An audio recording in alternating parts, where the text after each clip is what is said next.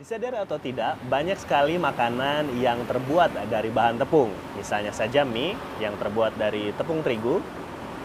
Ada juga bakso yang terbuat dari tepung tapioka atau tepung kanji. Bahkan saus dan juga kerupuk mengandung tepung. Tepung merupakan bahan makanan berbentuk bubuk yang dibuat dengan menggiling biji-bijian, kacang-kacangan, atau tanaman pangan lain. Keunggulan tepung adalah mudah diolah menjadi berbagai jenis makanan yang disukai oleh banyak orang. Aku sukanya roti sama mie. Ya, kalau saya sih lebih suka batagor gitu. Kenapa suka itu? Eh, kalau roti kan kadang kan roti itu ada yang asin, ada juga yang manis dan itu rasanya kan banyak. Jadi saya suka roti. Karena kurang suka yang manis-manis gitu loh. Jadi lebih suka yang asin, pedas gitu. Eh, lebih ke roti sih Roti ya? Iya. Kenapa alasannya? karena roti kan berbahan dari terigu jadi nggak mengandung bahan pengawet kadang ada yang original gitu. Sayangnya proses pengolahan dan pemutihan tepung dapat menghilangkan berbagai zat gizi dalam bahan bakunya apabila tidak dilakukan proses fortifikasi. Hal ini membuat tepung menjadi sumber karbohidrat simpel yang tidak memiliki atau hanya sedikit mengandung nutrisi. Jika dikonsumsi secara berlebihan, makanan berbahan dasar tepung dapat menyebabkan berbagai gangguan kesehatan.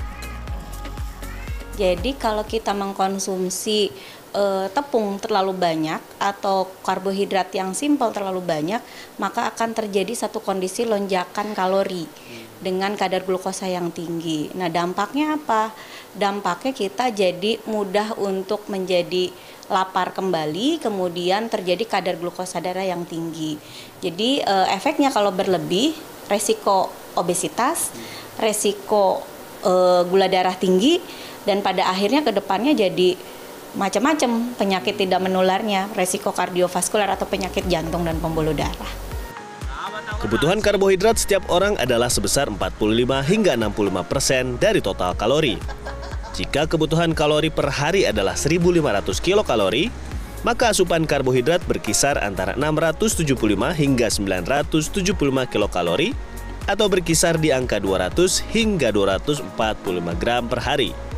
Untuk menghindari bahaya dari makanan berbahan dasar tepung, sebaiknya masyarakat mengurangi konsumsi tepung dan mengkonsumsi langsung sumber bakunya seperti gandum, jagung, atau beras. Sementara bagi penderita diabetes, sebaiknya menghindari berbagai makanan olahan tepung, terutama tepung terigu. Selain itu, olahraga rutin juga penting dilakukan agar kelebihan kalori tidak disimpan menjadi lemak dalam tubuh. Angga Putra, Helmi Suryanegara, Bandung, Jawa Barat.